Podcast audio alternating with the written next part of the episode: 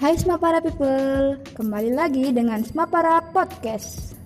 Kemarin kalian sudah ditemani dengan Fikri. Nah, hari ini kalian akan ditemani oleh aku, Sakinah.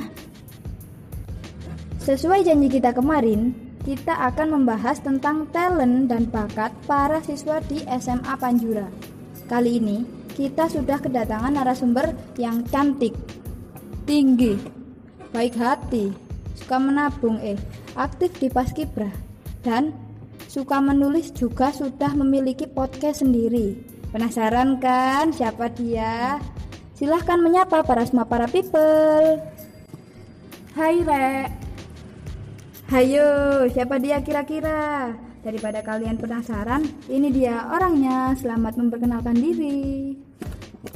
Perkenalkan, namaku Nahrisa Rahmawati Nur Fajar, biasa dipanggil Risa, dan aku kelas 12 IPA 2. Hai Kak Risa, ngomong-ngomong hobinya apa nih? Hobiku sih rebahan ya, tapi selain rebahan, aku juga hobi menulis dan bikin podcast. Wih, keren banget nih kak, suka nulis, bikin podcast. Aduh, aku kalau gabut ya tidur aja. Ngomong-ngomong, selain dua hal tadi, kesibukannya saat ini ngapain aja ya kak? Karena masih pandemi, sekolahnya kan jadi daring. Terus banyak tugas, entah tugasnya yang emang banyak atau aku aja yang males ngerjain sehingga tugasnya tuh numpuk-numpuk. Akhir-akhir ini juga banyak ulangan yang soalnya mungkin susah dipahami, entah semua nggak paham atau aku aja yang nggak paham. Tapi emang susah buat dipahami sih kalau menurutku. Jadi kangen ke sekolah, pembelajaran tatap muka seperti biasa yang sekiranya bisa ketemu teman-teman terus bisa bikin semangat sama menurutku sih materinya lebih mudah dipahami daripada sekolah daring. Bener banget sih, soalnya aku juga ngerasain hal yang sama. Oh iya kak, denger-dengar dulu kan pernah ikut jurnalis. Pengalaman apa aja yang Kak Arisa dapat dari ikut jurnalis itu? Pengalamanku di jurnalis sih nggak banyak-banyak banget, karena kebetulan aku kebagian sebagai divisi naskah. Nah, divisi naskah itu tugasnya buat merevisi naskah yang aku dapat dari divisi wawancara dan finishingnya diserahin ke divisi editor buat jadi majalah sekolah. Berarti kan Kak Risa udah mahir menulis nih, apalagi di jurnalis di bagian divisi naskah yang semua tugasnya itu berhubungan sama tulis menulis. Nah, biasanya orang yang suka melihat tulisan-tulisan tulisan gitu kan suka menulis juga nih. Nah, kenapa Kak Risa suka menulis dan suka karena apa? Juga dari kapan? Karena dulu aku nggak punya teman curhat, aku jadi curhat ke buku diary. Dari situ aku iseng bikin cerita tentang diriku sendiri sampai akhirnya nulis itu udah jadi kebiasaan. Terus kalau masalah dari kapan suka menulis itu mungkin sejak kelas 9 SMP. Ya, jadi ikut sedih nih kak. Eh, tapi gak apa-apa kok Kak Risa. Karena gak adanya teman curhat, Kak Risa kan jadi bisa berkarya. Karena gak adanya teman curhat, Kak Risa juga bisa menulis isi hati Kak Risa dalam bentuk sebuah tulisan cerita. Nah, semua karya pasti kan ada awalnya. Awal Kak Risa menulis, pasti ada kesulitan juga kan? Nah, bisa diceritakan kesulitannya itu apa aja? Awalnya sih aku cuek banget mau tulisanku bagus atau enggak. Tapi dulu itu ada salah satu temanku yang tahu dan dia baca cerita yang aku tulis. Nggak taunya dia suka sama ceritaku. Nah, dari situ aku mikir kayak tulisanku itu pantas atau enggak sih buat dibaca sama banyak orang. Terus kalau bicara soal kesulitan nih, aku jadi lebih mikir ke alur ceritaku ke depannya itu kayak gimana. Nah, selain itu juga mulai buat memilah kata-kata biar kesannya itu enak dibaca sama banyak orang. Ternyata sulit juga ya kak buat menulis itu. Nah, Kak Risa kan udah pernah buat cerita nih. Pasti kan ceritanya nggak cuma satu. Dan pasti pernah nyari-nyari pengalaman buat ikut lomba. Kira-kira Kak Risa pernah ikut lomba apa aja? Dan pernah juara berapa dari semua lomba yang pernah Kak Risa ikuti? Jadi dari bulan Desember tahun lalu, aku mulai iseng-iseng cari kompetisi menulis dari Instagram. Dan ternyata aku menemukan banyak banget kompetisi lomba menulis di sana. Sangat beragam sih. Ada yang berbayar dan ada yang enggak. Karena aku ngerasa belum mahir-mahir banget, aku jadi ikut yang nggak berbayar dong pastinya. Kebetulan waktu itu aku ikut tiga lomba sekaligus dengan deadline yang berbeda-beda. Yang pertama lomba menulis quotes dengan tema awal dan akhir.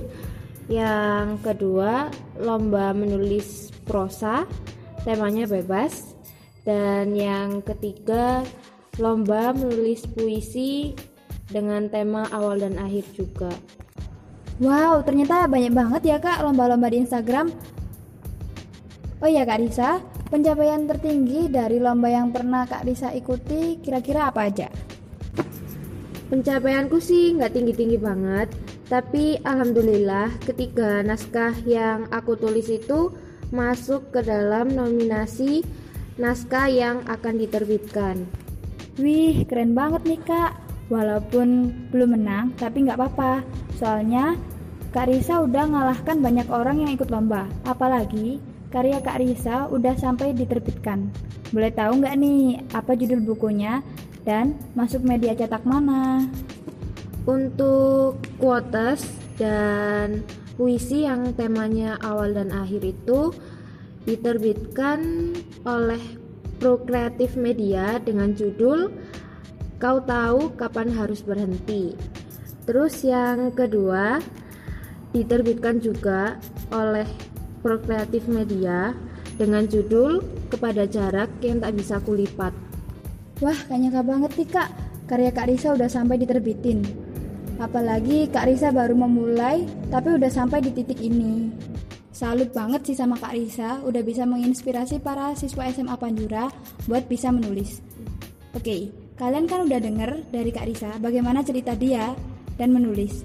Sekarang kita juga pengen tahu nih bagaimana awal Kak Risa buat memulai podcast. Nah, pastikan kalian juga penasaran, podcast itu gimana sih? Terus caranya buat podcast itu gimana sih? Awalnya aku diajak seseorang untuk jadi narasumber di podcastnya melalui Anchor. Terus tiba-tiba ada pikiran buat bikin podcast sendiri.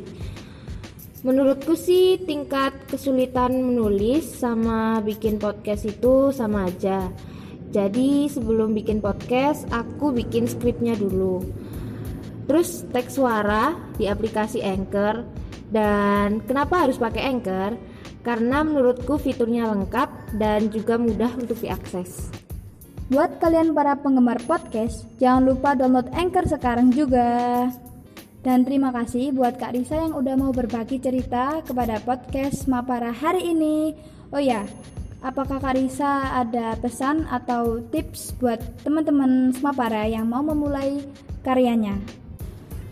Buat Smapara people yang masih malu buat nunjukin karyanya, sebaiknya kalian tetap pede aja karena semua orang pasti punya kekurangan dan kelebihannya masing-masing. Pesan dari aku sih tetap semangat berkarya dan jangan mudah putus asa. Terima kasih. Sama-sama Kak Risa. Terima kasih buat kalian semua para people yang udah meluangkan waktu untuk mendengarkan podcast kita hari ini. Buat kalian yang mau memulai berkarya, don't be shy and keep shining. Semoga kalian tetap setia mendengarkan podcast kita. Stay tune untuk episode-episode selanjutnya. See ya.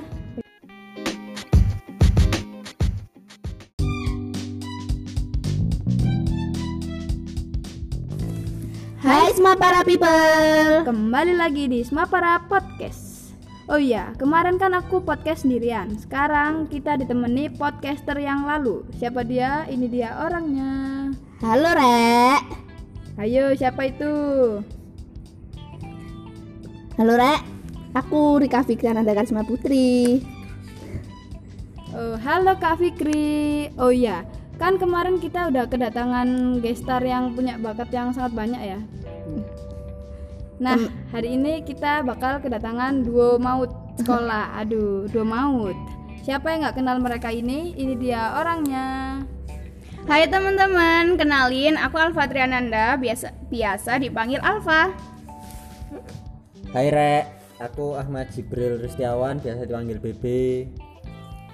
Nah, siapa yang nggak kenal Kak Alfa dan Kak Bebe ini?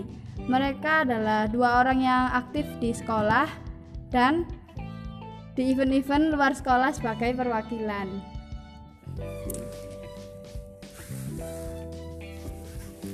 Eh, kalian mau tahu nggak sih kesibukan mereka selama di rumah aja ngapain? Eh, mungkin dari Kak Alfa bisa sharing-sharing dulu sebentar biar teman-teman tahu.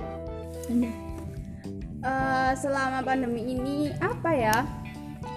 Eh, kalau aku sih lebih ba- lebih banyak ke memperbaiki diri menjadi lebih baik. Jadi lebih mendekatan diri kepada Allah, terus juga eh, mengisi waktu luang sambil baca novel, terus eh,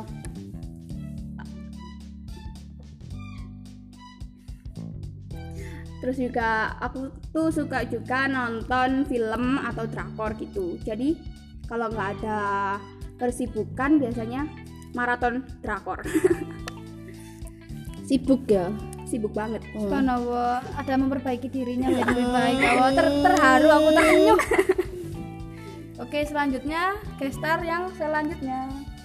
Eh, kalau aku mulai bulan Maret ya, mulai pandemi itu ya melakukan kegiatan yang biasa dilakukan oleh cowok.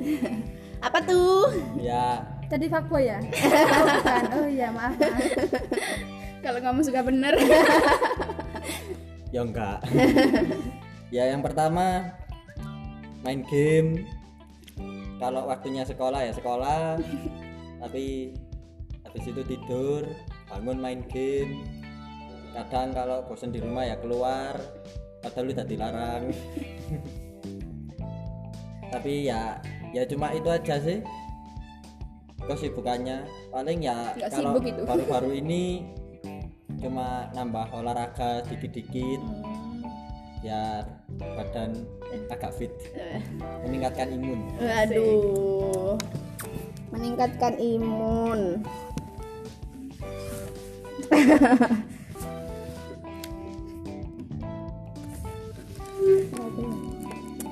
Eh eh, apa ya? Kalau gini kan tadi di rumah Kalva memperbaiki diri. Terus KBB cuma kebanyakan tidur, main game, tidur, main game. Makan, mau makan nggak lupa ya. Eh gini, kalian kan udah kelas 12 kan ya? iya iya Kelas 12 mau lulus Iya, nih ya. Mau nerusin ke mana nih? mau jadi mahasiswa abis ini ya Oh iya, aduh, mahasiswa di mana nih maunya? Kalau aku sih eh, untuk eh, ke jenjang berikutnya itu ada dua plan sih ada plan A sama plan B. Eh, kalau yang plan A itu kalau nggak di UB itu jurusan akuntansi D3 tapi ada sistem double degree kuliah di di Malaysia dapat gelar S1 nya Malaysia. Kalau nggak gitu yang plan B S1 langsung S1 di Universitas Brawijaya mengambil jurusan statistika Wow, kuliah di aja luar negeri, guys. amin Kalau KBB ini mau nerusin ke mana? Terus jurusan apa? Hmm, kalau aku sih ya sama, ada dua kemungkinan. Cuma kalau aku yang plan pertama itu mungkin kuliah juga di Universitas Brawijaya, maunya ngambil perpajakan. Terus tapi kalau emang belum jalannya kuliah ya mungkin aku kerja dulu tapi yang aku harapin sih kalau nanti udah lulus itu seenggaknya udah punya penghasilan masih sedikit-sedikit Oh, aduh. Aduh. Ini tipe-tipe idaman. Wah, ya enggak. zaman siapa ini idaman siapa iki wis punya penghasilan dikit walaupun cuma dikit-dikit. Terus sangat menginspirasi sekali ya iya. Hmm.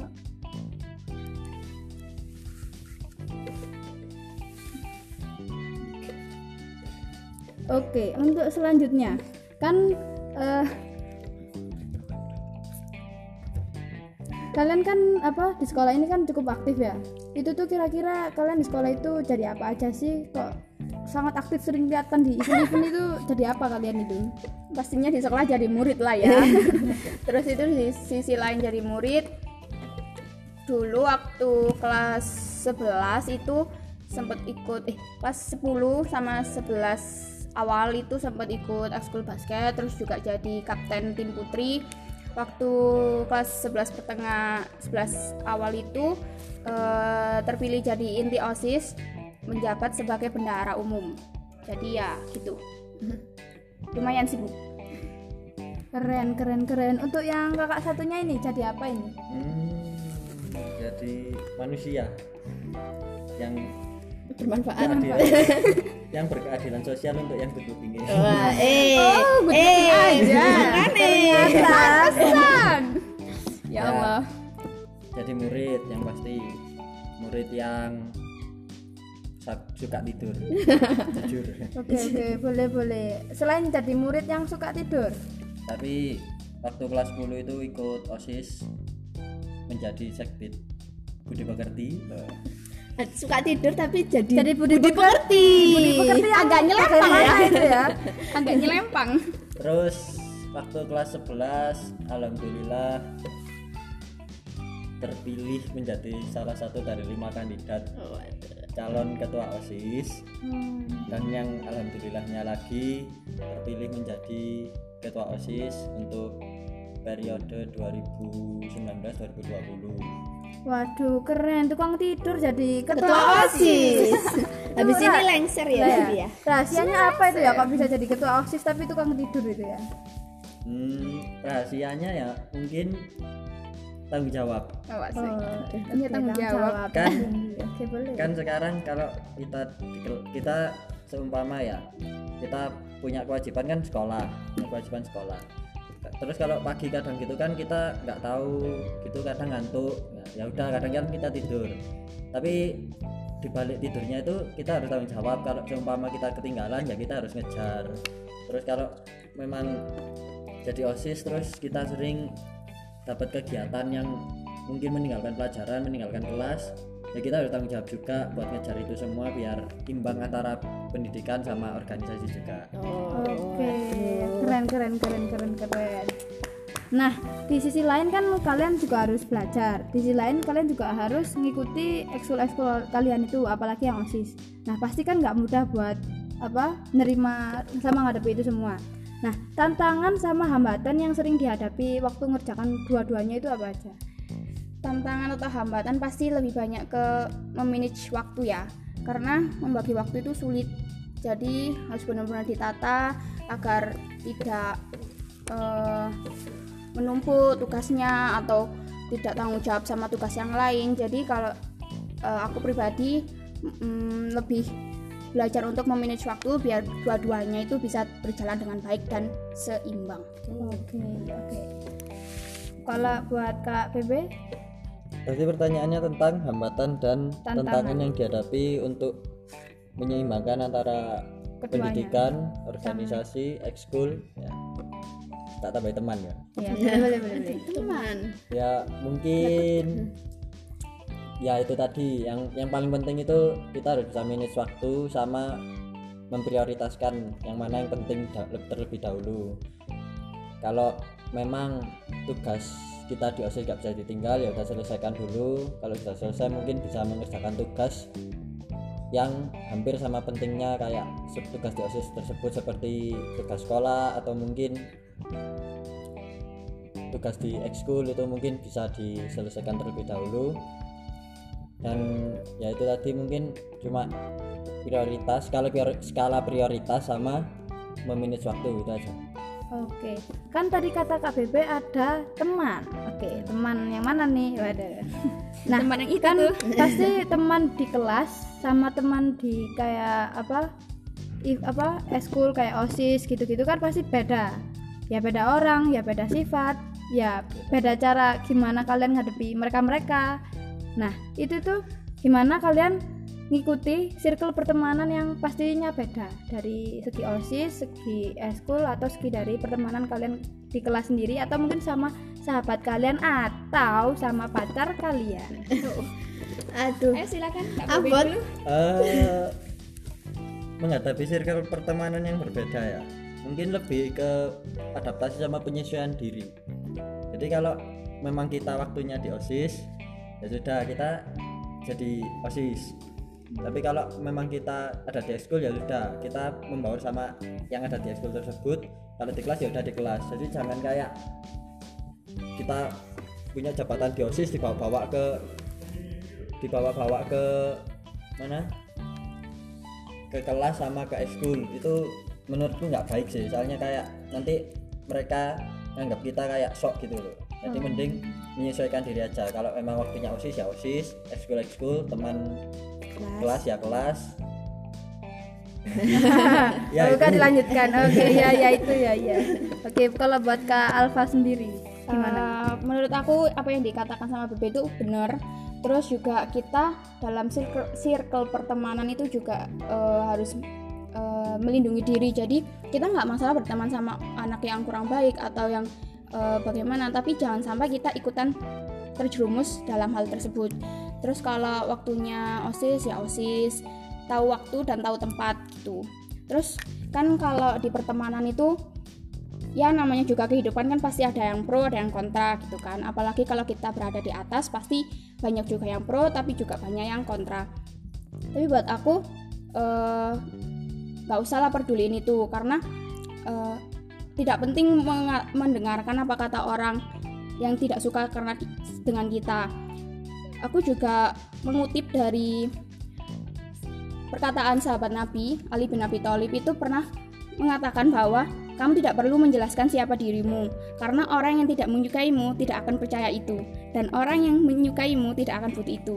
Jadi itu menjadi eh, motivasi buat saya untuk tidak terlalu memikirkan eh, perkataan orang yang buruk tentang kita. Gitu aja sih.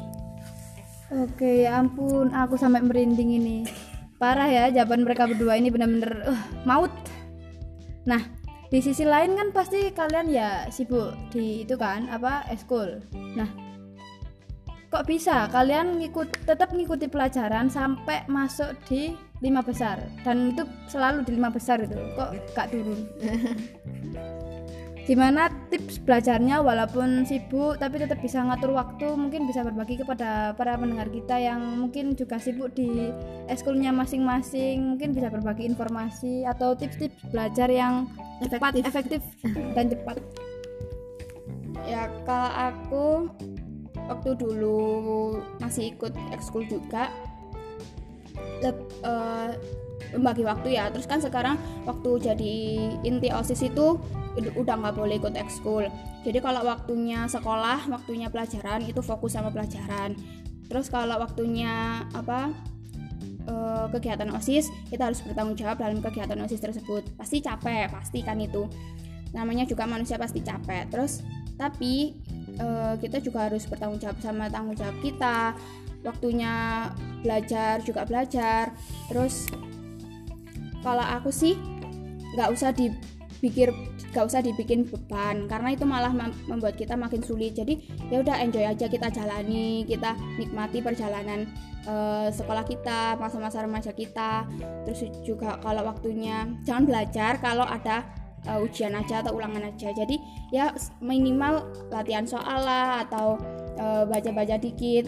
Terus juga intinya fokus gitu oke dari tadi yang jawabannya keren cuma kak Alfa ini ayo kak Bebe ini Jangan mau kalah. Jangan mau kalah dong. Dua mau OSIS. tips nilai bagus di kelas tapi tetap bisa aktif di osis atau ekskul tipsnya kalau tips mungkin nggak ada sih cuma kalau dari pengalamanku itu gini kita harus bisa tahu waktu tahu waktu lah jadi kalau memang waktunya sekolah ya udah sekolah. Terus kalau waktunya kita nggak sekolah maksudnya kayak kita udah di luar sekolah terus kalau ada keperluan osis ya udah osis. Ya itu jadi kalau sekolah sekolah osis osis. Jangan maksudnya kayak ditabrak-tabrakin gitu. Nanti malah jadinya nggak fokus. Terus satu lagi pesanku sih jangan lupa istirahat sama refreshing itu aja. Soalnya kalau kita kita kan manusia. Otak kita itu kalau dipaksa terus-terusan buat belajar ya capek jadi seenggaknya luangin waktu dikit lah sehari dua jam atau tiga jam mungkin buat refreshing main game lah atau mungkin tidur atau mungkin eh, Keluar. keluar rumah baca komik baca novel olahraga. Pokoknya refreshing yang nggak bebani otak lah biar seenggaknya otak kalian itu tersegarkan Oke. atau mungkin refreshing mata juga nggak apa-apa Soy. Oh ya, refreshing mata itu yang kayak gimana ya? Kalau boleh tahu dijelaskan. Tolong dijelaskan mungkin ada pendengar kita yang kurang tahu refreshing mata itu apa. Apa mungkin ngasih sunlight di mata biar segar atau yang lain mungkin. Ah, refreshing mata itu mungkin hmm, Jalan. jalan-jalan sama Sama siapa siapa? Siapa? ya ya is- ya itu. Sama temen. sama Oh, temen sama temen-temen lah. Temen-temen. Oke, oke, oke. Tanda kutip. Tapi, temennya tanda kutip. Oke. Eh, buat semua para people kalian kan tadi udah dengerin apa? Tips dan cerita-cerita dari duo maut ini yang selalu aktif di sekolah. Gimana nggak aktif? Ketua OSIS iya, bendahara inti iya. Siapa yang nggak kenal mereka? Ayo. Apalagi mereka juga deket juga dan akrab dengan guru-guru. Ya iyalah kan osis. Gimana sih? Nah eh, mungkin dari Kak Fikri ada yang mau ditanyakan lagi buat kedua orang ini?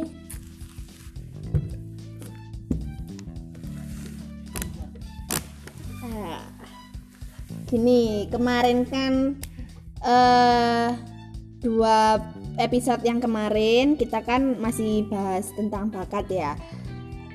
Kemarin kita kedatangan tamu Narisa yang mempunyai bakat menulis, buat cerpen dan punya podcast juga. Nah, eh, gini kan pasti setiap orang punya bakat. Nah, menurut kalian penting nggak sih nunjukin bakat kalian ke semua orang gitu? Oh, aku bisa gini, bisa gitu. Coba bisa dijelasin? kalau buat aku ya fan fan aja sih kalau selagi kalian punya bakat eh, kalian biasa keluar bisa keluarin bakat tersebut bisa mengembangkan bisa mengeksplor bakat kalian kan siapa tahu dengan bakat kalian itu bisa membawa rezeki buat kalian juga Amin. amin Ya. Kalau Kak Bebe gimana nih? Eh, kalau dari aku sih kayaknya lebih cocok mengembangkan bukan menunjukkan Ya, karena kalau menunjukkan itu nanti kesannya rasanya kayak sombong sombong pamer. pamer lebih lebih cocok kayaknya dikatain dikatain mengembangkan bakat. Karena kalau mengembangkan sih kan keputusan tiap orang ya. Tiap orang kan seenggaknya punya satu bakat lah dalam dirinya. Nah itu juga pasti seenggaknya bisa dikembangkan lah satu satu aja itu Eh, berarti kan setiap orang punya bakat. Tapi gimana sih? Biasanya kan masih ada yang malu-malu. Aku malu ah dilihat orang. Walaupun benar-benar dia itu sebenarnya berpotensi, tapi dia dia tuh malu buat nunjukin nanti dikatain kayak aduh kamu ini sok-sokan kayak gitu. Gimana sih cara ngatasin kayak gitu biar ini ya biar kita tuh pede buat nunjukin bakat kita terus gak apa sih gak apa ya gak insecure lah dengan mereka-mereka yang se udah nunjukin bakatnya dan udah bener-bener dikenal sama orang ya buat aku peran orang terdekat, peran keluarga itu penting dalam hal ini karena eh, orang terdekat atau keluarga itu bisa apa ya memberi motivasi, memberi pencerahan tentang nggak perlu lah insecure kayak yang saya bilang tadi nggak perlu dengerin omong-omongan orang yang berusaha merendahkan kita gitu. Jadi apa yang kamu punya itu kembangkan, eksplorkan, jangan pedulikan kata-kata orang lain karena jadilah dirimu sendiri apa adanya. Hmm. Waduh, puara. kuates- kuatesnya itu loh. Dan jelek di hati. Jelek di hati. Maksudnya kena gitu loh. Hmm, untuk membangun kepercayaan diri ya mungkin kebiasaan karena menurutku sih semua orang kalau punya bakat pasti kalau pertama kali disuruh nunjukin pasti malu. Tapi kalau dia udah nunjukin terus dia merasa nyaman sama yang dia tunjukkan ya pasti lama-lama juga ngerasa biasa aja. Ya karena aku dulu juga gitu sih. Jadi awal-awal itu malu tapi lama-lama ya udah kebiasaan sampai kadang dibilang nggak punya malu Urat malunya putus. Nah, tadi tadi tadi tuh ngomongin tentang bakat, tapi tuh kalian belum sharing-sharing apa sih bakat, Bakat kalian kayak gitu. Bisa share dulu dari Kak Bebe mungkin. Ayo Kak Bebe, bakat dan minat silakan keluarkan semua bakatmu. Kayaknya kertas biasanya Iya, banyak bakat, bakat. bakat Bakat bakat tidur bakatnya.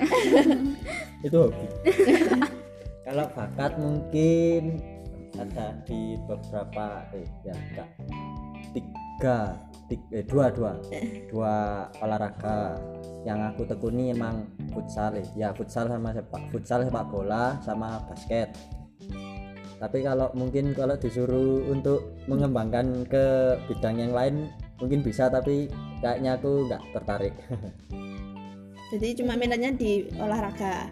Hmm, enggak sih.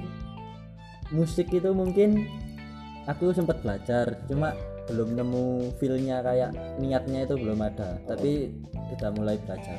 di musik sendiri itu lebih ke mana ke arah mana nyanyi gitaris pianis atau yang lain mungkin Gitar sama vokal.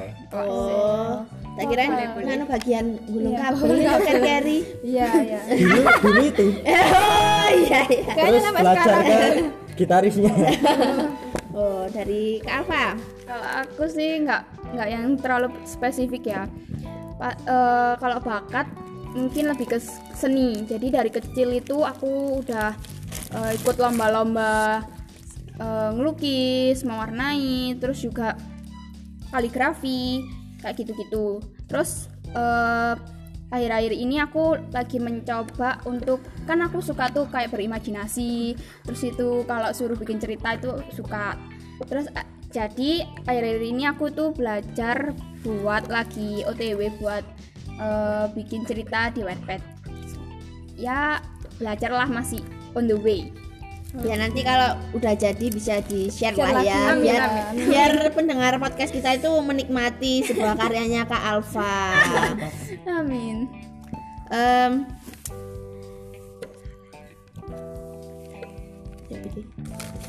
oke kita break dulu ya karena ada azan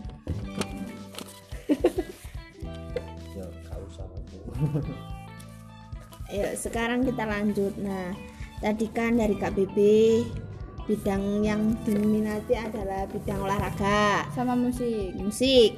Terus dari Kak Alfa bidangnya seni, seni. Oh iya satu lagi. Oh iya. public speaking. Oh. Jadi eh, di luar sekolah kayak di masyarakat juga biasanya eh, lebih ke public speakingnya kalau ada acara-acara gitu. Jadi belajar lebih me- meningkatkan eh, bakat public speakingnya. Oke, keren. Nah, ini kan podcast ini kan termasuk dari public public speaking juga ya. Nah, apa Kak Alfa Kak mau bikin podcast juga gitu yang podcast dari Alfa sendiri mungkin gitu. Kan suka berimajinasi, Betul. berarti biasanya kata-katanya itu kata-kata yang, yang indah. puitis, iya. puitis. puitis, indah, aduh. Tadi quotesnya kan juga banyak. Iya. Siapa tahu bisa di sharing-sharing yang lebih banyak lagi. Buat sekarang sih belum ya karena kan masih eh, proses menulis Wattpad juga itu aja eh, terganggu-ganggu sama sekolahnya gitu jadi buat sekarang aku lebih fokus ke pendidikan dulu terus mencapai cita-cita dulu itu aja sih. Ya semoga cita-citanya tercapai, tercapai semuanya amin. Dan ya Allah. nggak nggak hanya cita-cita kami kami dan mereka mereka ini semoga cita-cita kalian para pendengar podcast para people juga bisa terkabulkan semuanya. Amin. Kita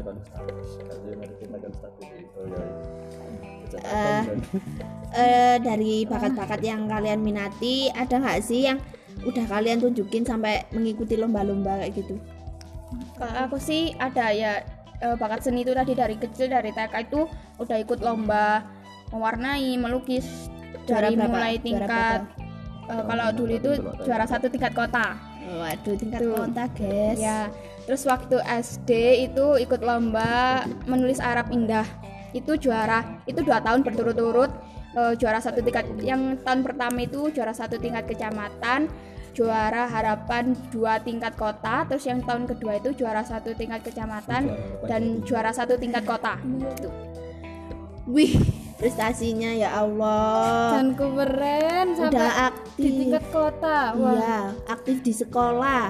Aktif terus- di luar sekolah juga. Heeh, terus juara kelas. Di masyarakat ya ya Allah. ampun emang nggak salah pilih. Betul ini benar-benar dua mau terdebes terus dari KBB ya prestasinya gimana? Yang prestasi. Sudah ditunjukkan.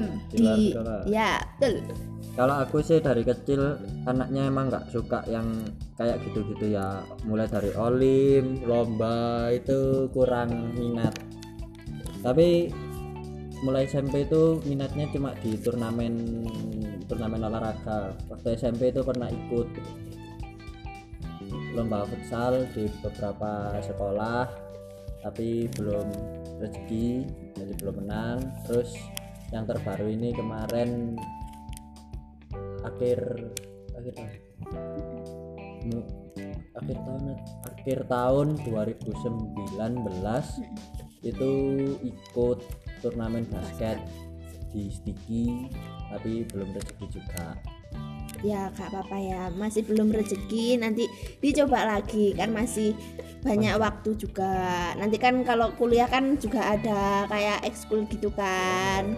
Lombanya kan juga lebih besar besar iya. Nah, ngebet hadiah.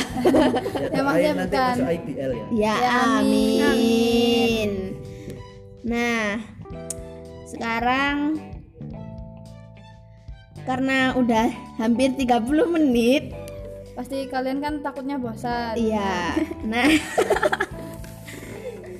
jadi eh, mungkin dari Kak Alfa, Kak Bebe maupun ini Kak Sakina ataupun saya, enggak enggak ada yang mau disampaikan sampaikan kayak pesan-pesannya buat pendengar-pendengar setia. Waduh. ya buat kalian jangan patah semangat buat meraih cita-cita terus berusaha terus berdoa jangan eh, bosen-bosennya untuk eh, kalian eh, karena kesuksesan itu berawal juga dari mimpi tapi jangan hanya bermimpi tapi juga berusaha berdoa terus juga eh, kuncinya juga patuh kepada orang tua terus kalau ingin mengembangkan bakat mengeksplor, mengeksplor bakat jangan ragu-ragu atau jangan insecure karena eh, jadi diri sendiri, jangan dengarkan orang lain. Apa yang orang lain katakan untuk berusaha menjatuhkan kita itu ujian buat kita. Gitu. Jadi tetap semangat, eh, kejar cita- cita-cita kalian sampai kap, sampai tercapai. Amin. Amin. Dari Kak Bebe. Ayo Kak. kalau dari aku mungkin Jangan mungkin toh, yang pasti. Ya. Oh kan nggak suka memberi kepastian kan Aduh, nanti Hati-hati ya para cewek-cewek. kalau didekati bahaya ini Enggak, enggak, enggak udah. Ciri-ciri Ada hati yang harus kujaga. Kayak judul lagu. hati siapa tuh? hati ayam Eh, kalau dari aku tetap jadi diri sendiri. Apa pun yang terjadi itu.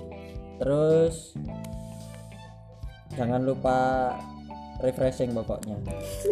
Ini yang dituju tuh game sama tidur ini ya. Karena karena hidup itu nggak melulu soal pendidikan dan dunia, tapi kadang kita juga harus mikir diri kita sendiri love yourself first and then you can love the others Iya iya iya iya iya. Masuk, masuk. Dari Sakina mungkin ada. Kalau dari aku sih tetap ya. Kalian semua tetap stay safe, hati-hati. Kalau keluar rumah jangan lupa pakai masker dan jaga jarak. Dan juga jangan lupa jaga jarak satu sama lain tapi bukan berarti kita nggak sapa-sapaan atau kita nggak bolo-boloan. Tetap jaga hubungan kalian sama teman-teman kalian sama tetangga kalian. Jangan jadi introvert ya. Introvert. Introvert. oh iya maaf. Tipe tipe introvert ya untuk dari Kak Fikri sendiri ada ada yang mau ditambahkan Kalau aku sih eh, kalau tentang bakat yang mau ngembangin bakat, kalau ada yang masih nyari-nyari bakatnya apa, mengenali diri jat- mencari jati diri jangan jangan apa ya, jangan bosen, jangan bosen lah untuk mencari jati diri kalian. Kita kita di sini juga kita kita di sini juga masih mengembangkan bakat-bakat yang ada di diri kita. Eh, cuma bisa sharing-sharing seperti ini, walaupun walaupun cuma sedikit mungkin bisa jadi motivasi dan manfaat bagi kalian juga. Nah, oh iya iya Rek. satu lagi ya aku pengen ngingetin jangan lupa beli keripik usus keripik usus apa nih? yang kayak apa ini keripik usus keripik ususnya aduh. keripik ususnya BPB di ya itu salah satu usahaku sama kakak kelas dari Panjura juga. IG-nya IG-nya kak. Nggak tahu. Terus mungkin sama jangan lupa tetap dukung produk lokal. Dan salah satunya kaos aku sama kakak kelas dari Panjura juga alumni membuat brand kaos. Ya mungkin kalian bisa apa melihat di IG Siapa tahu kalau berminat. siapa tahu berminat IG-nya wildapparel.ing.ing oke jangan lupa dibeli ya teman-teman. Nah, mungkin kalian kalau mau minat minat di mau minat beli keripik usus sama itu kaosnya bisa hubungi di DM DM-nya kak dari Kak BB at underscore GLBB atau atau nomornya Kak BB bisa disebutin. 0813 2740 8748 bisa diulangi? 0813 2740 8748 oke. Apa itu aja mungkin. Ya. Untuk para betina. Gak terasa udah 30 menit lebih kita, menemani, kalian. jangan lupa untuk selalu mendengarkan podcast dari SMA Panjura. Dan share guys biar pendengar podcast kita itu semakin banyak dan, dan semakin banyak yang kenal sekolah kita juga. Ya. Amin. amin. amin. Oke itu dulu dari kami. Wassalamualaikum warahmatullahi wabarakatuh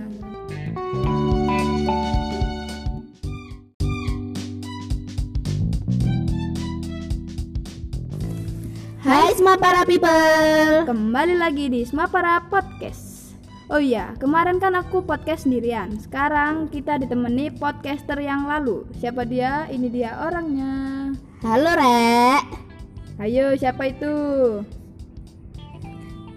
Halo Rek Aku Rika Fikriana Karisma Putri Oh, halo Kak Fikri. Oh iya, kan kemarin kita udah kedatangan gestar yang punya bakat yang sangat banyak ya. Nah, hari ini kita bakal kedatangan duo maut sekolah. Aduh, duo maut.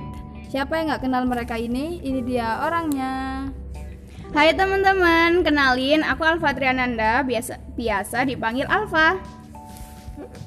Hai Rek aku Ahmad Jibril Rustiawan biasa dipanggil BB Nah, siapa yang nggak kenal Kak Alfa dan Kak Bebe ini? Mereka adalah dua orang yang aktif di sekolah dan di event-event luar sekolah sebagai perwakilan.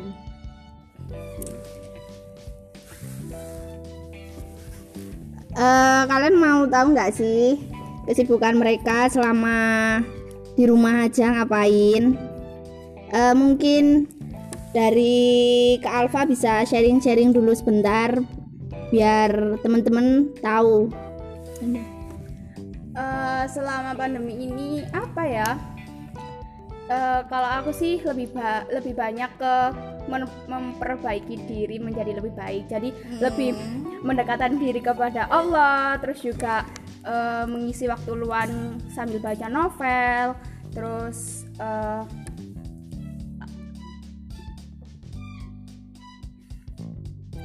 terus juga aku tuh suka juga nonton film atau drakor gitu jadi kalau nggak ada kesibukan biasanya maraton drakor Sibuk ya. sibuk banget Subhanallah, ada memperbaiki dirinya menjadi lebih baik. Allah ter- terharu aku terenyuh. Oke, selanjutnya gestar yang selanjutnya. eh kalau aku mulai bulan Maret ya, mulai pandemi itu ya melakukan kegiatan yang biasa dilakukan oleh cowok. Apa tuh? Ya, Tadi fuckboy ya? Oh, bukan. Oh iya, maaf. maaf. kalau kamu suka bener ya enggak. ya yang pertama main game. Kalau waktunya sekolah ya sekolah. Tapi habis itu tidur, bangun main game. Kadang kalau bosan di rumah ya keluar. Padahal udah dilarang. Tapi ya ya cuma itu aja sih kesibukannya paling ya Nggak kalau baru-baru ini cuma nambah olahraga dikit-dikit biar badan agak fit meningkatkan imun Waduh. Meningkatkan imun.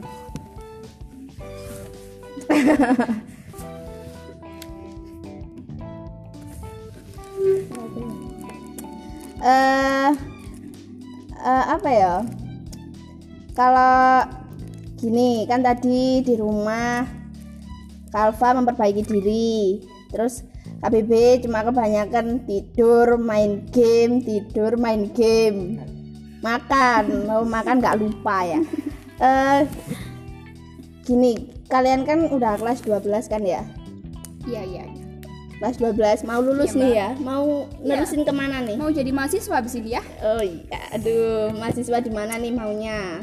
kalau aku sih eh, untuk eh, ke jenjang berikutnya itu ada dua plan sih. Ada plan A sama plan B.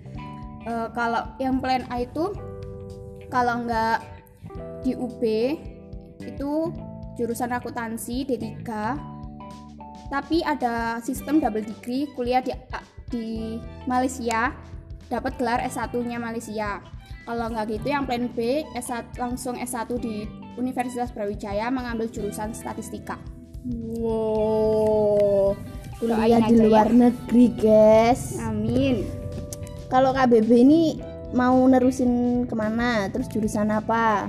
Hmm, kalau aku sih ya sama, ada dua kemungkinan. Cuma kalau aku yang plan pertama itu mungkin kuliah juga di Universitas Brawijaya, maunya ngambil perpajakan. Terus tapi kalau emang belum jalannya kuliah, ya mungkin aku kerja dulu tapi yang aku harapin sih kalau nanti udah lulus itu seenggaknya udah punya penghasilan masih sedikit-sedikit Oh, aduh. Aduh. Ini tipe-tipe idaman. Wah, ya enggak. Zaman siapa ini? idaman sampai iki wis punya penghasilan dikit walaupun cuma dikit-dikit. Terus Sangat menginspirasi sekali ya. iya. Hmm. Bentar.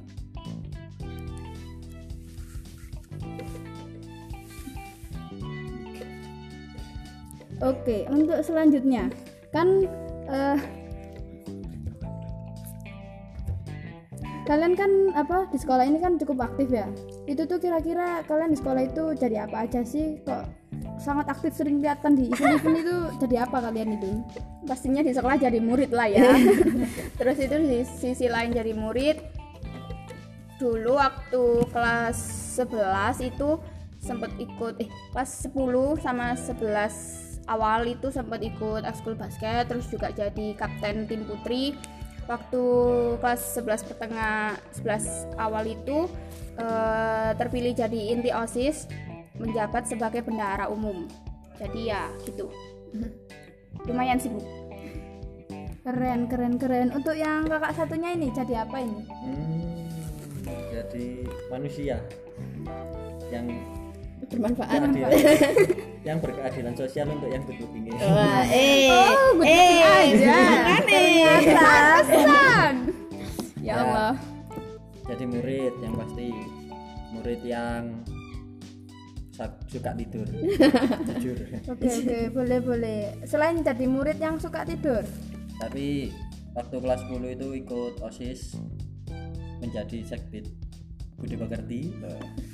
Suka tidur tapi jadi Jadi budi pekerti. Budi pekerti agak nyelempang ya. itu ya. agak nyelempang. Terus waktu kelas 11 alhamdulillah terpilih menjadi salah satu dari lima kandidat Oh, calon ketua OSIS. Hmm. dan yang alhamdulillahnya lagi terpilih menjadi ketua OSIS untuk periode 2019-2020 Waduh, keren. Tukang tidur jadi ketua, ketua osis habis ini lengser ya berarti ya Rahasianya apa itu ya kok bisa jadi ketua OSIS tapi tukang tidur itu ya? hmm, rahasianya ya mungkin tanggung jawab oh, asik. Oh, Punya tanggung jawab. Kan- Oke, boleh. kan sekarang kalau kita kita seumpama ya kita punya kewajiban kan sekolah punya kewajiban sekolah terus kalau pagi kadang gitu kan kita nggak tahu gitu kadang ngantuk. Ya udah kadang kan kita tidur. Tapi di balik tidurnya itu kita harus tanggung jawab. Kalau seumpama kita ketinggalan ya kita harus ngejar. Terus kalau memang jadi osis terus kita sering dapat kegiatan yang mungkin meninggalkan pelajaran meninggalkan kelas ya kita harus tanggung jawab juga buat ngejar itu semua biar imbang antara pendidikan sama organisasi juga oh Oke, keren keren keren keren keren. Nah, di sisi lain kan kalian juga harus belajar. Di sisi lain kalian juga harus mengikuti ekskul-ekskul kalian itu, apalagi yang OSIS. Nah, pasti kan nggak mudah buat apa nerima sama ngadepi itu semua. Nah, tantangan sama hambatan yang sering dihadapi waktu ngerjakan dua-duanya itu apa aja? Tantangan atau hambatan pasti lebih banyak ke memanage waktu ya. Karena membagi waktu itu sulit. Jadi harus benar-benar ditata agar tidak eh, menumpuk tugasnya atau tidak tanggung jawab sama tugas yang lain. Jadi kalau eh, aku pribadi mm, lebih belajar untuk memanage waktu biar dua-duanya itu bisa berjalan dengan baik dan seimbang. Oke, oke. Kalau buat Kak PB, Berarti pertanyaannya tentang hambatan dan Tantangan. tantangan yang dihadapi untuk menyeimbangkan antara Keduanya. pendidikan, organisasi, ekskul, ya. tak tambah teman ya. ya boleh boleh teman Ya mungkin ya itu tadi yang yang paling penting itu kita harus bisa manage waktu sama memprioritaskan yang mana yang penting terlebih dahulu. Kalau memang tugas kita di OSIS nggak bisa ditinggal ya udah selesaikan dulu. Kalau sudah selesai mungkin bisa mengerjakan tugas yang hampir sama pentingnya kayak tugas di OSIS tersebut seperti tugas sekolah atau mungkin tugas di ekskul itu mungkin bisa diselesaikan terlebih dahulu dan ya itu tadi mungkin cuma prioritas priori- skala prioritas sama memanage waktu itu aja Oke, kan tadi kata Kak Bebe ada teman. Oke, teman yang mana nih? Waduh. Nah, Teman yang itu kan tuh. pasti teman di kelas sama teman di kayak apa? i- apa eskul kayak osis gitu-gitu kan pasti beda. Ya beda orang, ya beda sifat, ya beda cara gimana kalian ngadepi mereka-mereka. Nah, itu tuh gimana kalian ngikuti circle pertemanan yang pastinya beda. Dari segi osis, segi eskul atau segi dari pertemanan kalian di kelas sendiri atau mungkin sama sahabat kalian atau sama pacar kalian. aduh. Ayo silakan Kak Bobi abot dulu. Eh, menghadapi circle pertemanan yang berbeda ya. Mungkin lebih ke adaptasi sama penyesuaian diri. Jadi kalau memang kita waktunya di osis ya sudah kita jadi osis tapi kalau memang kita ada di ekskul ya sudah. Kita membaur sama yang ada di ekskul tersebut. Kalau di kelas ya udah di kelas. Jadi jangan kayak kita punya jabatan di osis dibawa-bawa ke dibawa-bawa ke mana? Ke kelas sama ke ekskul. Itu menurutku nggak baik sih. Soalnya kayak nanti mereka nganggap kita kayak sok gitu loh. Jadi mending menyesuaikan diri aja kalau memang waktunya osis ya osis ekskul ekskul teman kelas ya kelas ya Oke, itu. dilanjutkan. Oke, ya ya itu ya ya. Oke, kalau buat Kak Alfa sendiri gimana? Eh, menurut aku apa yang dikatakan sama Bebe itu benar terus juga kita dalam circle, circle pertemanan itu juga eh, harus eh, melindungi diri jadi kita nggak masalah berteman sama anak yang kurang baik atau yang eh, bagaimana? Tapi jangan sampai kita ikutan terjerumus dalam hal tersebut. Terus kalau waktunya osis ya osis. Tahu waktu dan tahu tempat gitu. Terus kan kalau di pertemanan itu ya namanya juga kehidupan kan pasti ada yang pro ada yang kontra gitu kan. Apalagi kalau kita berada di atas pasti banyak juga yang pro tapi juga banyak yang kontra.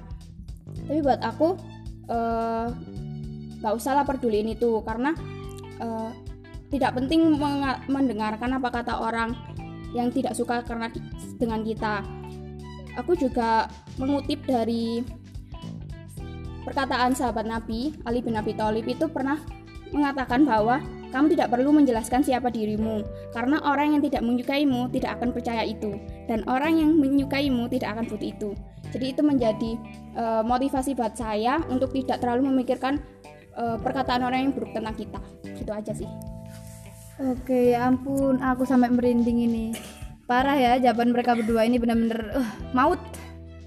Nah, di sisi lain kan pasti kalian ya sibuk di itu kan apa eskul. Nah, kok bisa kalian ngikut tetap ngikuti pelajaran sampai masuk di lima besar dan itu selalu di lima besar itu kok gak turun gimana tips belajarnya walaupun sibuk tapi tetap bisa ngatur waktu mungkin bisa berbagi kepada para pendengar kita yang mungkin juga sibuk di eskulnya masing-masing mungkin bisa berbagi informasi atau tips-tips belajar yang cepat efektif dan cepat. Ya kalau aku waktu dulu masih ikut ekskul juga leb- eh, membagi waktu ya. Terus kan sekarang waktu jadi inti osis itu ud- udah nggak boleh ikut ekskul. Jadi kalau waktunya sekolah waktunya pelajaran itu fokus sama pelajaran. Terus kalau waktunya apa eh, kegiatan osis kita harus bertanggung jawab dalam kegiatan osis tersebut. Pasti capek pasti kan itu. Namanya juga manusia pasti capek. Terus tapi eh, kita juga harus bertanggung jawab sama tanggung jawab kita. Waktunya belajar juga belajar. Terus kalau aku sih nggak usah dipikir nggak usah dibikin beban karena itu malah mem- membuat kita makin sulit. Jadi ya udah enjoy aja kita jalani kita nikmati perjalanan eh, sekolah kita masa-masa remaja kita. Terus juga kalau waktunya jangan belajar kalau ada eh, ujian aja atau ulangan aja. Jadi ya minimal latihan soal lah atau eh, baca-baca dikit. Terus juga intinya fokus gitu oke. Dari tadi yang jawabannya keren cuma Kak Alfa ini. Ayo Kak Bebe ini. Jangan mau kalah, jangan mau kalah dong. Dua Ketua mau ini. OSIS. tips nilai bagus di kelas tapi tetap bisa aktif di osis atau ekskul. Tipsnya kalau tips mungkin nggak ada sih cuma kalau dari pengalamanku itu gini. Kita harus bisa tahu waktu tahu waktu lah. Jadi kalau memang waktunya sekolah ya udah sekolah. Terus kalau waktunya kita nggak sekolah maksudnya kayak kita udah di luar sekolah terus kalau ada keperluan osis ya udah osis. Ya itu jadi kalau sekolah sekolah osis osis. Jangan maksudnya kayak ditabrak-tabrakin gitu. Nanti malah jadinya nggak fokus. Terus satu lagi pesanku sih jangan lupa istirahat sama refreshing itu aja. Soalnya kalau kita kita kan manusia. Otak kita itu ka- kalau dipaksa terus-terusan buat belajar ya capek jadi seenggaknya luangin waktu dikit lah sehari dua jam atau tiga jam mungkin buat refreshing main game lah atau mungkin tidur atau mungkin eh, keluar. keluar rumah baca komik baca novel olahraga. Pokoknya refreshing yang nggak bebani otak lah biar seenggaknya otak kalian itu tersegarkan Oke. atau mungkin refreshing mata juga nggak apa-apa Soai. Oh ya, refreshing mata itu yang kayak gimana ya? Kalau boleh tahu dijelaskan. Tolong dijelaskan mungkin ada pendengar kita yang kurang tahu refreshing mata itu apa. Apa mungkin ngasih sunlight di mata biar segar atau yang lain mungkin. Ah, refreshing mata itu mungkin hmm, jalan jalan-jalan sama siapa sama siapa ya ya is- ya itu is. sama temen sama teman Oh, sama temen-temen lah Teman-teman. Oke, oke, oke. Tanda kutip. Tapi- temennya tanda kutip. Oke. Eh, buat semua para people kalian kan tadi udah dengerin apa? Tips dan cerita-cerita dari duo maut ini yang selalu aktif di sekolah. Gimana nggak aktif? Ketua OSIS iya, bendahara inti iya. Siapa yang nggak kenal mereka? Ayo. Apalagi mereka juga deket juga dan akrab dengan guru-guru ya iyalah kan osis gimana sih nah eh, mungkin dari Kak Fikri ada yang mau ditanyakan lagi buat kedua orang ini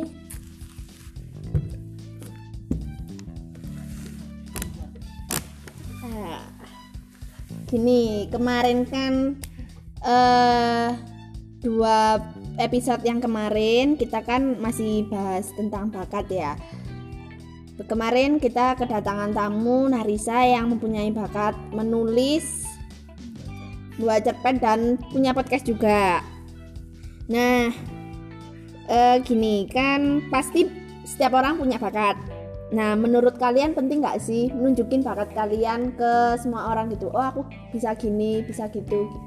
Coba bisa dijelasin? kalau buat aku ya fan-fan aja sih. Kalau selagi kalian punya bakat eh, kalian biasa keluar bisa keluarin bakat tersebut bisa mengembangkan bisa mengeksplor bakat kalian. Kan siapa tahu dengan bakat kalian itu bisa membawa rezeki buat kalian juga. Amin. amin. Ya. Kalau Kak Bebe gimana nih? Eh, kalau dari aku sih kayaknya lebih cocok mengembangkan bukan menunjukkan. Ya, karena kalau menunjukkan itu nanti kesannya rasanya kayak sombong. Pamer. pamer lebih ba- lebih cocok kayaknya dikatain dikatain mengembangkan bakat. Karena kalau mengembangkan sih kan keputusan tiap orang ya. Tiap orang kan seenggaknya punya satu bakat lah dalam dirinya. Nah itu juga pasti seenggaknya bisa dikembangkan lah satu satu aja itu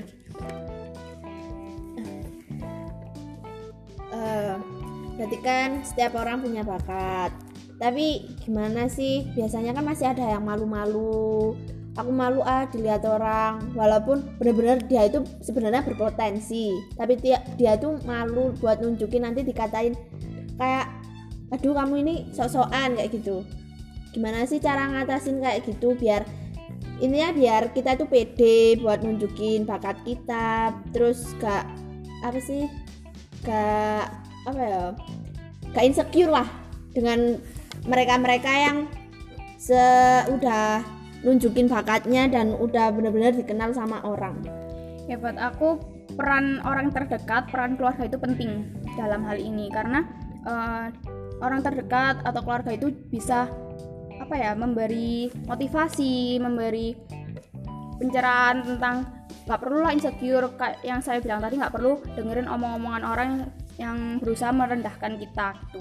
Jadi apa yang kamu punya itu kembangkan eksporkan jangan pedulikan kata-kata orang lain. Karena jadilah dirimu sendiri apa adanya. Hmm. waduh Kuat- puara kuatusnya itu loh. Dan jelek di hati. Jelek di hati. Maksudnya kena gitu loh. Hmm, untuk membangun kepercayaan diri ya mungkin kebiasaan. Karena menurutku sih semua orang kalau punya bakat pasti kalau pertama kali disuruh nunjukin pasti malu. Tapi kalau dia udah nunjukin terus dia merasa nyaman sama yang dia tunjukkan ya pasti lama-lama juga ngerasa biasa aja. Ya karena aku dulu juga gitu sih. Jadi awal-awal itu malu tapi lama-lama ya udah kebiasaan sampai kadang dibilang nggak punya malu urat malunya putus. Nah tadi tadi tadi tuh ngomongin tentang bakat tapi tuh kalian belum sharing sharing apa sih bakat, Bakat kalian kayak gitu. Bisa share dulu dari kak Bebe mungkin. Ayo Kak Bebe, bakat dan minat. Silakan. Keluarkan semua bakatmu. kayaknya kertas biasanya Iya, banyak bakat, bakat, bakat. bakat. Bakat. Bakat. Tidur bakatnya. itu hobi kalau bakat mungkin ada di beberapa eh ya enggak. Tiga tik, eh, dua dua. Dua olahraga yang aku tekuni emang futsal eh. ya futsal sama sepak futsal sepak bola sama basket. Tapi kalau mungkin kalau disuruh untuk mengembangkan ke bidang yang lain mungkin bisa tapi kayaknya aku nggak tertarik. Jadi cuma minatnya di olahraga? Hmm, enggak sih. Musik itu mungkin aku sempat belajar, cuma belum nemu feel-nya kayak niatnya itu belum ada. Tapi sudah mulai belajar. di musik sendiri itu lebih ke mana ke arah mana penyanyi gitaris pianis atau yang lain mungkin Gitar sama vokal. oh tak kira mana bagian gulung Iya, kabel gulung kabel. kan carry iya iya Dulu dulu itu oh iya iya Kayaknya terus belajar ke gitarisnya. oh dari kak Alfa Kalau aku sih nggak nggak yang terlalu spesifik ya. Pa- eh, kalau bakat mungkin lebih ke seni. Jadi dari kecil itu aku udah eh, ikut lomba-lomba eh, ngelukis, mewarnai, terus juga kaligrafi kayak gitu-gitu. Terus eh, akhir-akhir ini aku lagi mencoba untuk kan aku suka tuh kayak berimajinasi. Terus itu kalau suruh bikin cerita itu suka. Terus eh, jadi akhir-akhir ini aku tuh belajar buat lagi OTW buat eh, bikin cerita di Wattpad. Ya belajarlah masih on the way. Ya nanti kalau udah jadi bisa di share Share lah ya Amin, biar amin. biar pendengar podcast kita itu menikmati sebuah karyanya kak Alfa Amin. Em,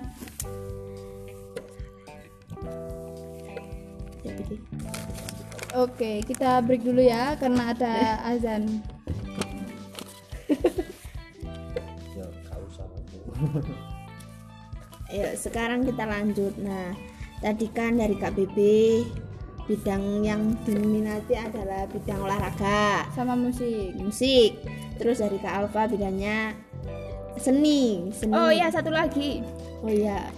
public speaking. Oh. Jadi eh, di luar sekolah kayak di masyarakat juga biasanya eh, lebih ke public speakingnya kalau ada acara-acara gitu. Jadi belajar lebih me- meningkatkan eh, bakat public speakingnya. Oke, keren. Nah, ini kan podcast ini kan termasuk dari public public speaking juga ya. Nah, apa Kak Alfa Kak mau bikin podcast juga gitu yang podcast dari Alfa sendiri mungkin gitu. Kan suka berimajinasi, Betul. berarti biasanya kata-katanya tuh kata-kata yang, yang indah. puitis, iya. puitis. puitis, indah, aduh. Tadi quotesnya kan juga banyak. Iya. Siapa tahu bisa di sharing-sharing yang lebih banyak lagi. Buat sekarang sih belum ya karena kan masih eh, proses menulis Wattpad juga itu aja eh, terganggu-ganggu sama sekolahnya gitu. Jadi buat sekarang aku lebih fokus ke pendidikan dulu, terus mencapai cita-cita dulu itu aja sih. Ya, semoga cita-citanya tercapai. Semuanya, amin. Dan Ya Allah, nggak amin. nggak hanya cita-cita kami-kami dan mereka-mereka ini, semoga cita-cita kalian para pendengar podcast Ma para people juga bisa terkabulkan semuanya. Amin. Iya. Eh, eh, dari bakat-bakat yang kalian minati ada nggak sih yang udah kalian tunjukin sampai mengikuti lomba-lomba kayak gitu Kalau aku sih ada ya eh, bakat seni itu tadi dari kecil dari TK itu udah ikut lomba mewarnai, melukis Juara dari berapa? mulai tingkat eh, kalau dulu itu juara satu tingkat kota. waduh tingkat Tuh. kota guys Ya, terus waktu SD itu ikut lomba menulis Arab Indah. Itu juara, itu dua tahun berturut-turut eh, juara satu tingkat. Yang tahun pertama itu juara satu tingkat kecamatan, juara harapan dua tingkat kota. Terus yang tahun kedua itu juara satu tingkat kecamatan dan juara satu tingkat kota. Gitu. wih prestasinya ya Allah Dan keren sampai udah ak- aktif. di tingkat kota wah Iya, aktif di sekolah. aktif terus- di luar sekolah juga Heeh, terus juara kelas. di masyarakat ya Ya Allah ampun, emang nggak salah pilih. betul ini benar-benar dua mau the best. Terus dari KBB, ya prestasinya gimana? yang prestasi. Sudah ditunjukkan. Di luar Di, sekolah. ya betul. kalau aku sih dari kecil anaknya emang nggak suka yang kayak gitu-gitu ya. Mulai dari olim lomba itu kurang minat. Tapi mulai SMP itu minatnya cuma di turnamen turnamen olahraga. Waktu SMP itu pernah ikut lomba futsal di beberapa sekolah tapi belum rezeki jadi belum menang. Terus yang terbaru ini kemarin akhir akhir tahun akhir tahun akhir tahun 2019 itu ikut turnamen basket di Stiki tapi belum rezeki juga Ya gak apa-apa ya, masih belum rezeki nanti dicoba lagi kan masih banyak waktu juga. Nanti kan kalau kuliah kan juga ada kayak ekskul gitu kan. lombanya kan juga lebih besar-besar Iya, Nah, ngebet hadiah. Emangnya bukan IBL ya Ya, Ya, amin. amin. Nah, sekarang karena udah hampir 30 menit, pasti kalian kan takutnya bosan. Iya. Nah,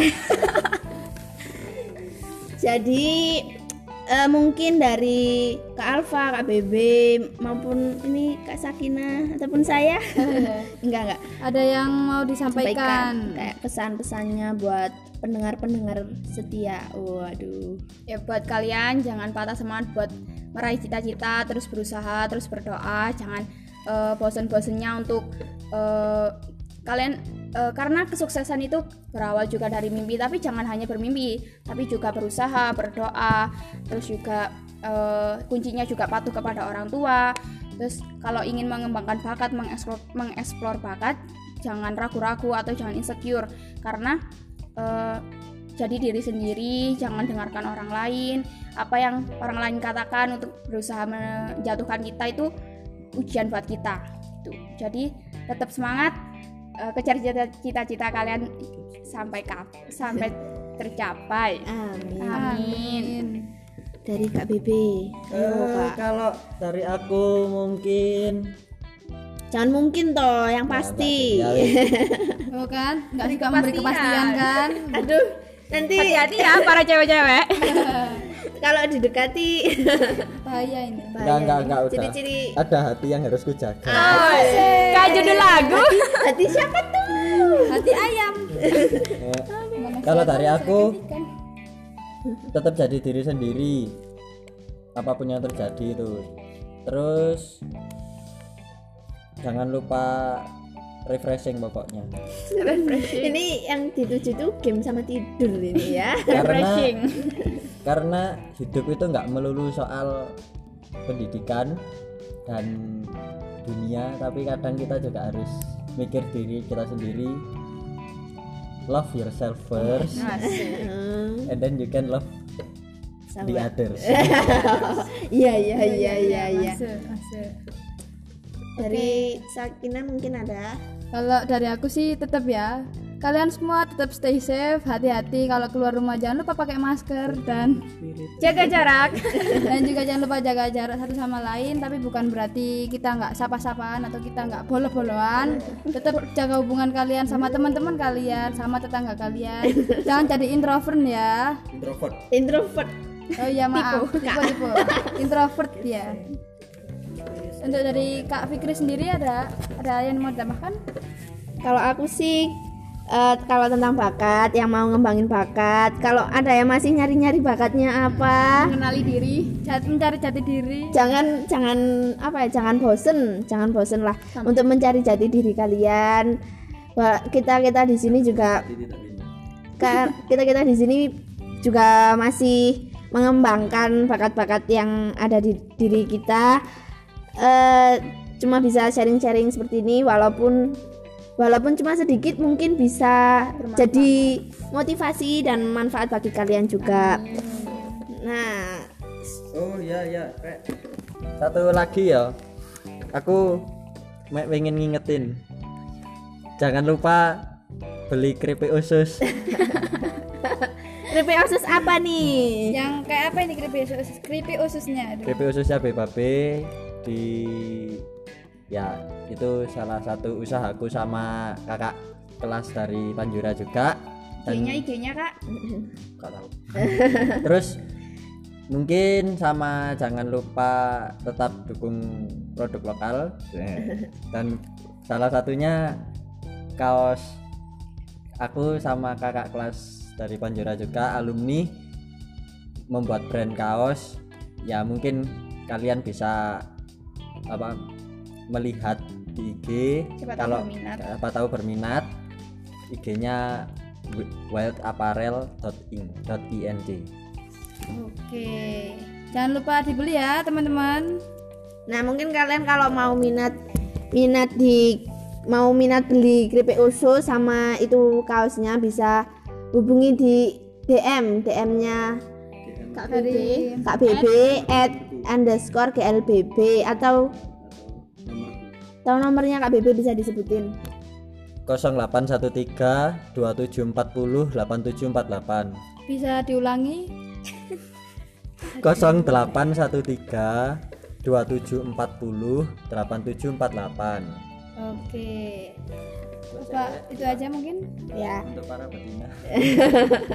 Gak terasa udah 30 menit lebih kita, menemani, kalian Jangan lupa untuk selalu mendengarkan podcast dari SMA Panjura dan share guys biar pendengar podcast kita itu semakin banyak dan, semakin banyak yang kenal sekolah kita juga. ya Amin. amin amin Oke, itu dulu dari kami. wassalamualaikum warahmatullahi wabarakatuh